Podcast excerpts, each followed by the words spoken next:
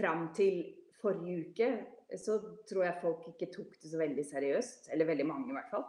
Syns det liksom var litt sånn hysteri og tull og sånn. Og det, med, det har veldig mye med hvordan media fremstiller det å gjøre, har jeg sett, når jeg har sammenligna landene.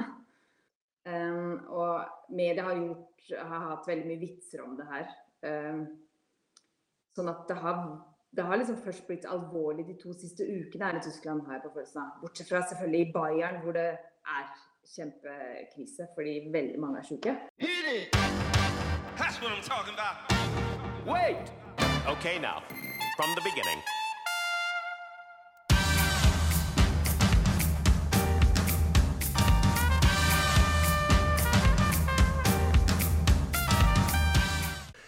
Tre, to, én. Velkommen til Nordpodden, Lise Risom Olsen. Takk for det. Du, du, sitter i Tyskland, Berlin nå, og er ikke hjemme sammen med familie og venner i Norge?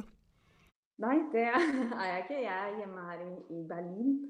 Eh, nettopp kommet tilbake fra eh, altså tilflukt på landet, kan man vel si. Jeg kom jo Jeg skulle egentlig filme en film i Italia når hele dette brøt ut. Og den ble selvfølgelig avlyst, så jeg har vært eh, Jeg på, var i min egen karantene i to uker. Og den ene uken tilbrakte jeg altså på landet. Ja, men nå er, nå er, du tilbake nede i byen. Men eh, rakt, altså begynte det å skje ting i Italia idet du var på vei ut? Altså Begynte du å merke at nå, nå må jeg faktisk komme meg, komme meg, hjem? Det var jo det som var litt spesielt, fordi vi kom dit eh, den søndagen, altså for nå da to uker siden, hvor, hvor, eller litt mer, hvor eh, hele, alle disse strenge reglene kom. Eh, vi var jo i et område som ikke er så hardt rammet, selvfølgelig. Så vi tenkte jo ikke på at det skulle være så farlig for oss eller noe sånt. Men eh, den søndag kvelden kom liksom alle reglene der om at man måtte holde en meters avstand. Kafeene og restaurantene fikk bare lov å servere gjester hvis de kunne garantere at alle satt med én meters avstand. Og sånne, alle de tingene der. Um, og det var søndag kveld, så mandag var det jo allerede litt vanskeligere. Og så kom det vel egentlig nye regler hver dag og gjorde det til slutt umulig. Ja. Det hele er jo veldig sånn virkelighetsfjernt. Det er jo sånn jeg tenker liksom jeg bare skal få oppleve å se på film. og ikke, Jeg hadde ikke sett for meg at jeg skulle få oppleve dette i mitt liv. da. Men åssen uh, oppleves det nede i Tyskland med, med, retningslinjer, og hvordan, hvordan fungerer dag til dag nede hos deg? Altså, jeg kan jo først si jeg har det litt på samme måte, jeg. At jeg syns det er litt sånn eh, virkelighetsfjernt og rart. Eh, og det, men samtidig så har jeg kanskje en litt sånn rar eh, eh, følelse av at jeg på en måte syns det er litt interessant å følge med også, fordi, kanskje fordi jeg har litt røtter i flere land på en gang her. Eh, så jeg har jo fulgt selvfølgelig veldig med på hvordan det går hjemme i Norge. Og har sett at um, der har man jo reagert mye kjappere enn her i Tyskland. Eh, og det er først i dag faktisk at eh, disse reglene hvor man ikke kan stå nærmere hverandre på gata enn en meter og alt det der, det har, kom, har begynt i dag. Så Berlin akkurat nå er kjemperar. Alle prøver å tilpasse seg de reglene og finne ut hvordan man skal løse det i praksis. Og straffene her er relativt uh, harde. Altså du kan få opptil 25 000 euro i bot hvis du står liksom mer enn to mennesker sammen på gata. Så det er, det er liksom drøye, drøye straffer. Um, men det er kanskje for å få folk til å virkelig forstå alvoret, da. Men, eh, ja. Med, med ei dame fra, fra Paris, og der òg har du på en måte samme type reglene, men der hadde på en måte myndighetene eh, gått på en litt mer sånn eh, samarbeidsmåte. da, at det, at det, var strenge regler, men at det var mer oppfordringer. Eh, Bl.a. litt mer sånn tillitsbasert, men at du må da fylle ut en lapp med et skjema på hvor du skal osv. Men, eh, men kanskje ikke så sterke. Altså 25 000 euro, det om ikke, om ikke det viruset gjør at firmaet ditt går konkurs, så vil i hvert fall et par sånne bøter hjelpe deg på vei. Det er ganske hardt. Uh, man har lov til å gå ut her uh, og, og lufte seg. Og man har lov til å gå og handle mat og livsnødvendige saker. Og man har lov til å gå på legetimen sin. Sånne ting. Eh, man har lov til å være to personer sammen og gå på tur. Men ikke flere enn det. Annet enn hvis det er liksom familien din og alle er i samme husholdning, da. Uh, ja. Hvordan, opplever du det rent sånn på butikker og sånne ting? For der er det veldig sånn varierte beskjeder fra, fra land til land. Vi har jo så klart den eh, dopapirgreia som har gått over hele verden, så jeg har sikkert fått den dere òg, vil jeg tro. Men åssen ser det ut i butikka? Og hvorfor må folk ha dopapir? Det har jeg lurt mye på. Jeg trodde at, faktisk at det bare var her i Tyskland. Jeg syns det var helt tullete. Det begynte jo allerede for flere uker siden at det var tomt for dopapir. og det er jo ikke fordi det er tomt for dopapir på lagrene, men det er jo fordi folk overdriver eh, massivt med innkjøp av dopapir. Uh, ja, og det har jo vært veldig sånn skiftende regler her, så jeg tror folk har ikke visst hvordan de skal forholde seg helt uh, til ting. Har, her det jo, har det vært sånn at hvert bondesland, altså på en måte hvert fylke, kunne velge sjøl hvordan regler de skulle ha. Um, og her i byen, i Berlin, så har det til og med vært sånn at hvert nabolag omtrent, altså hvert distrikt i byen, kunne bestemme. Um, sånn at noen steder er det ikke lov å gå på lekeplassen, andre steder har det vært lov å gå på lekeplassen. Så jeg tror det er litt derfor at det var litt nødvendig å komme med noen samla regler nå, som kom i går kveld. Um, det, det, føler vi jo kanskje at vi opplever noe av det samme i Norge. At på en måte at myndighetene har stått fram på nyhetene og kommet med noen retningslinjer. Og så har det vært kommunale retningslinjer som er litt annerledes. Litt sånn tilpasning på hvert eget sted. Uh, og fa faren med det er jo på en måte at du, uh, du blir slit... Altså hvis ikke du har en veldig klar regel å følge, da, så ender du opp at liksom, ja, ja, men den ene sier det, andre sier det. Og så blir det at du liksom bare ikke tar det så veldig høytidelig. Så, så, men, så du opplever det i Tyskland nå, rett og slett, at, eh, at de kunne ha vært klarere på informasjon tidligere eh, for å trygge folket? da? Ja, det tror jeg nok hadde vært en fordel her. Eh, tror jeg folk har vært forvirra. For for, altså, fram til forrige uke så tror jeg folk ikke tok det så veldig seriøst. Eller veldig mange, i hvert fall. Syns det liksom var litt sånn hysteri og tull og sånn. Og det, med, det har veldig mye med hvordan media fremstiller det å gjøre har jeg sett når jeg har sammenligna landene. Um, og media har, gjort, har hatt veldig mye vitser om det her. Um, sånn at det har, det har liksom først blitt alvorlig de to siste ukene her i Tyskland, har jeg på følelsen av. Bortsett fra selvfølgelig i Bayern, hvor det er kjempekrise fordi veldig mange er syke. Um, men ja, det, noen samla regler har, har, vært nødvendig, tror jeg. Jeg syns jo de har vært litt sånn treige. Jeg kom jo liksom fra Italia hvor det var allerede alle disse strenge reglene. Eh, og vi ble liksom sjekka på flyplassen. Det var masse politi der. Man fikk ikke stå måtte, Alle måtte stå tre meter unna hverandre på, inne på flyplassen. Eh, så det var liksom veldig organisert og på en måte ja, Til og med på flyet så satt vi med avstand mellom hverandre, heldigvis. Altså det var jo fint at de kunne gjøre det. Så lander vi i Berlin, og så blir alle stua inn på én buss for å kjøre til terminalen. Og da blir, jo alle selvfølgelig helt uh, oppgitt og frustrerte. For da er det jo Ja. Det er jo dette som er litt, sånn der, uh, litt interessant å se nå. Da. Jeg syns det er veldig, veldig spennende å få høre fra folk som er rundt omkring i verden. Men at, at vi ikke kunne kanskje hatt en litt mer jevnhet over, over linja. da. Eh, det blir jo litt sånn fånyttig når du sitter liksom eh, med, Du har ledige flysetter, og så, for å så bli stua inn på et rom.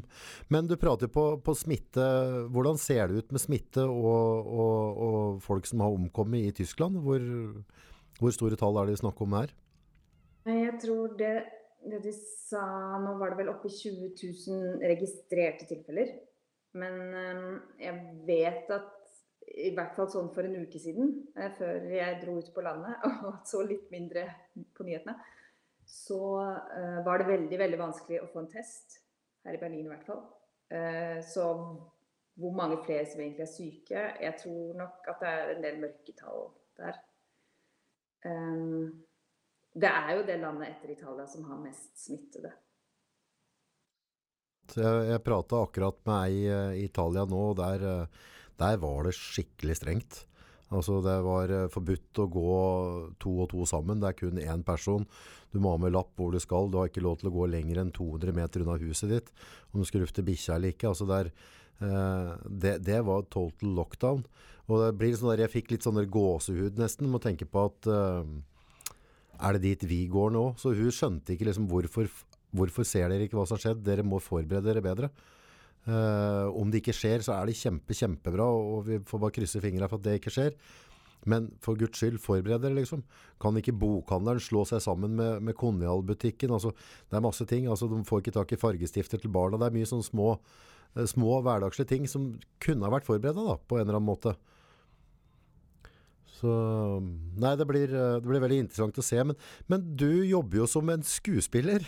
Uh, dette her uh, er jo ikke akkurat det du ønska deg uh, på nyåret. Det var det jo ikke.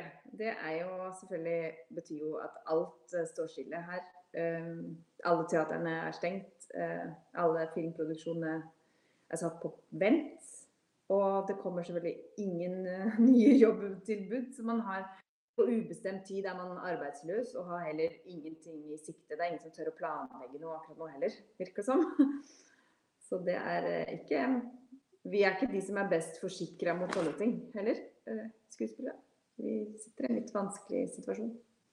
Håper du med det rent sånn psykisk sjøl, holdt jeg på å si. Du sitter nå hjemme og, og er jo delvis på en måte isla. Ting skjer jo ikke, så du er mye hjemme. Du har jo vært i karantene, og så det er jo noen tanker eh, Du har jo mest sannsynlig lagt ned veldig, veldig mye jobb da, for, for den karrieren du har, å sitte sitte på pause. Ja, det er klart. Eh, det er jo litt sånn hardt. Men min taktikk var rett og slett å grave litt bed og dyrke noen grønnsaker. Her er jo våren begynt å komme. Så prøve å bare gjøre et eller annet som føles litt sånn fornuftig. Og så må, tror jeg man bare Jeg tror man må gjøre det. Man må finne noe å holde på med, liksom. Jeg ser jo at det er en del fine tiltak rundt omkring i verden. Uh, I Norge har man bl.a. den digitale scenen som de har oppretta på Facebook. Hvor uh, folk holder konserter og gjør ting. Man må kanskje prøve å tenke litt sånn nytt, da. Finne en eller annen måte å, å få formidla ting på. Eh, det du sier der, er jo musikk for øra mine. altså Tenke nytt. Jeg er veldig glad i folk som ønsker å, å, å prøve å gjør det beste ut av enhver situasjon. Men eh, når jeg først har det, har der, altså Hvem er du, hvor kommer du fra? og hvor, altså, eh, Kan du fortelle litt om deg sjøl? Altså, hvordan, hvordan, ble du skuespiller på fulltid? Altså, det begynte nok eh, relativt tidlig på meg, for meg. Jeg gikk på sånn eh, musikkdans- og dramalinje. Og allerede da var det vel egentlig litt sånn klart for meg at jeg skulle lage mitt eget teaterkompani og gjøre ting selv og sånn. Så det eh, holdt jeg på med i mange år i, Norge. Eh, altså et eget kompani. Og så etter hvert eh, ble jeg mer og mer interessert i eh, også å gjøre film og sånn. så jeg var en del i New York og lærte mer om det. Og så på et eller annet tidspunkt, um, ja, 2013, fant jeg ut at uh, jeg skulle prøve et litt større sted. Da bodde jeg på, i Bergen, som jo er verdens vakreste by. og kjempefint, men veldig lite liten for å holde på med det. Ja, det er litt for lite business der. Um, så det var, var litt vanskelig. Så jeg tenkte at jeg skulle prøve en større by, og siden alle da drar til LA eller London eller noe sånt, tenkte jeg at jeg måtte gjøre det på en annen måte. Eh, så jeg bestemte meg for å lære tysk, og dro til Berlin og gjorde det. Og det har gått ganske overraskende bra så langt. I hvert fall. Det er jo ikke, det er jo ikke noen små produksjoner du, du er involvert i. Altså det er, det du, er jo, du er jo en hardcore skuespiller blitt, ikke sant? Ja, jeg har jo nå spilt på et av liksom, de største teaterne, eller viktigste teaterne kanskje, i Europa. Her i Berlin. Eh, og det har vært selvfølgelig helt fantastisk eh, å gjøre det. Jeg, altså, jeg spiller fortsatt noen forestillinger, men jeg er ikke lenger i ensemblet. Um, for det er jo uh, ikke bare en, altså en fulltidsjobb, det er jo mer sånn 250% jobb, selvfølgelig. og da var det ikke mulig å gjøre, kombinere det med film som jeg også liker veldig godt å gjøre. Um, så nå har jeg funnet en måte hvor jeg kan gjøre litt begge deler. Og ja, det er selvfølgelig helt suverent. Vet, uh, har du et slags sånn uh, nullpunkt, et tidspunkt der du skjønte at oi, nå lever jeg faktisk drømmen min? Jeg, jeg, altså, jeg har, nå har jeg de jobba, jeg har de rollene jeg har, har jobba så hardt for og drømt for å få? Altså, jeg har noen, så, jeg har noen sånne øyeblikk som jeg husker at uh, ja, Hvis man kan det norske uttrykket 'å gråte av lykke'. eller litt sånn man, uh, At det ble sånn absurd at jeg ikke helt visste om jeg skulle le eller gråte. eller sånn. Jeg har noen sånne øyeblikk. Uh, den første filmen jeg, filmjobben jeg gjorde her i, i Tyskland, var en en sånn krim som de elsker her. Det er den mest sette krimserien i, i Tyskland. Eh, som har holdt på i 180 år. Eh, og jeg fikk en hovedrolle i en av de filmene. De lager sånn filmer, altså 90 minutter-filmer. Um, og da kunne jeg jo ikke Det var i 2000, altså 2014. Og da hadde jeg bodd i Berlin offisielt et år. Så og, um, helt sånn vilt, egentlig. da hadde jeg flere dager etter hverandre hvor jeg måtte klype meg i armen og ikke var helt sikker på uh, Ja. Og så var det når den filmen faktisk kom ut uh, og hadde 12 millioner uh, tilskuere, og jeg ikke skjønte hva det egentlig betyr. At det var helt absurd. og jeg skulle og husker et sånt øyeblikk hvor jeg sto på Ikea med en dokost i hånda. Hadde nettopp, jeg hadde nettopp flytta inn i en leilighet sammen med min nye kjæreste. Og, og, så kom folk og skulle ta selfies. Og der står jeg med dokosten og var sånn Hva er dette? Og da skjønte jeg liksom at oi, 10% av de som er inne i butikken, har sett meg på TV i går. liksom. Ja. Det var absolutt Utrolig gøy. Er det, er det, ofte at du blir kjent igjen uh, på gata i Tyskland på en måte, som, uh, som en TV-personlighet? Altså Nå er det jo ja, noen år siden den som er, liksom er, er noe som alle virkelig ser på. Um, så, men det skjer, sånn, det skjer sånn av og til. Og det skjer også, og det syns jeg, jeg, nesten er enda mer absurd, det skjer jo at folk kjenner meg igjen fra teater. Og det, uh, det syns jeg på en måte er helt absurd, men veldig, veldig gøy. Har du gjort deg noen tanker rundt det? For på en måte idet han på en måte velger da, å være en, en, slags offentlig person, og du begynner å Folk bryr seg om deg, folk kanskje har deg som idol. altså Det er mye, mange meninger og følelser rundt deg. Og så kommer de bort og kanskje vil ha en selfie. Så er det så kanskje føler du litt at det er med litt sånn ære, ærefrykt eh, og, og setter pris på den stunda, og ikke minst de som er fans, at du gir dem litt oppmerksomhet, men samtidig så har du òg behov for litt privatliv? Ja, nå er jeg Jeg tror jeg er ganske Jeg er vel en ganske nett på jorda person på mange måter. Um, selv om jeg kan få litt ville ideer av og til. Uh, men, men uh, det, jeg tror det liksom hjelper. At man, man blir ikke tatt sånn helt uh, av en sånn man, man, blir ikke helt, man får ikke helt den basillen at man liksom tror man er stjerne fordi om noen vil ha en autograf eller sånn. Eh, selv om så, så, man gjør det så hyggelig man er så hyggelig man kan i situasjonen, men det er jo av og til selvfølgelig litt underlige situasjoner. Eh, jeg satte meg ned på kino en gang og tenkte nå skal jeg se en film i fred og ro. Og så reiste det seg en dame på en rad nedenfor og ropte ut i salen at 'Å, jeg har sett deg naken!' det. Det, det var, var, litt underlig. Eh, og da hadde hun vært og sett en forestilling da, hvor liksom, ja, er, da har jeg parykk og sånn. Jeg, jeg, tenker ikke at folk kjenner meg igjen etter den forestillingen. Men hun hadde da fortalte alle i hele salen at hun hadde sett forestillingen fem ganger. Så hun likte den forestillingen veldig godt, da. Det blir kanskje litt sånn spesiell fan, liksom. Så setter det fem ganger, så, så blir det sånn litt skeptisk når vi skal ha selfie, liksom. Kan vi gjøre det i nærheten av andre folk? Når det er det første hun sier, at hun har sett meg naken, liksom. Ikke forestillingen var bra, eller? Nei, jeg tenker, tenker, du kommer til å klare å, å holde et friskt sinn og et godt humør, og så Enhver en, en, en, hver begynnelse har en slutt. Så en gang så er vi tilbake igjen der vi, der vi var. Og så er det bare å ta opp igjen taua og fortsette i, i, den stilen du har gjort. For du har jo lykkes så langt med det du har gjort. Så tydeligvis har du, godt, du har et godt kompass. Så får jeg bare tusen, tusen takk for at du tok deg tid, og så ønsker jeg deg og dine masse, masse lykke fra oss i Norge. Og stay brave, så blir det bra dette her. takk. Og takk for praten. Det var hyggelig. Ha det bra.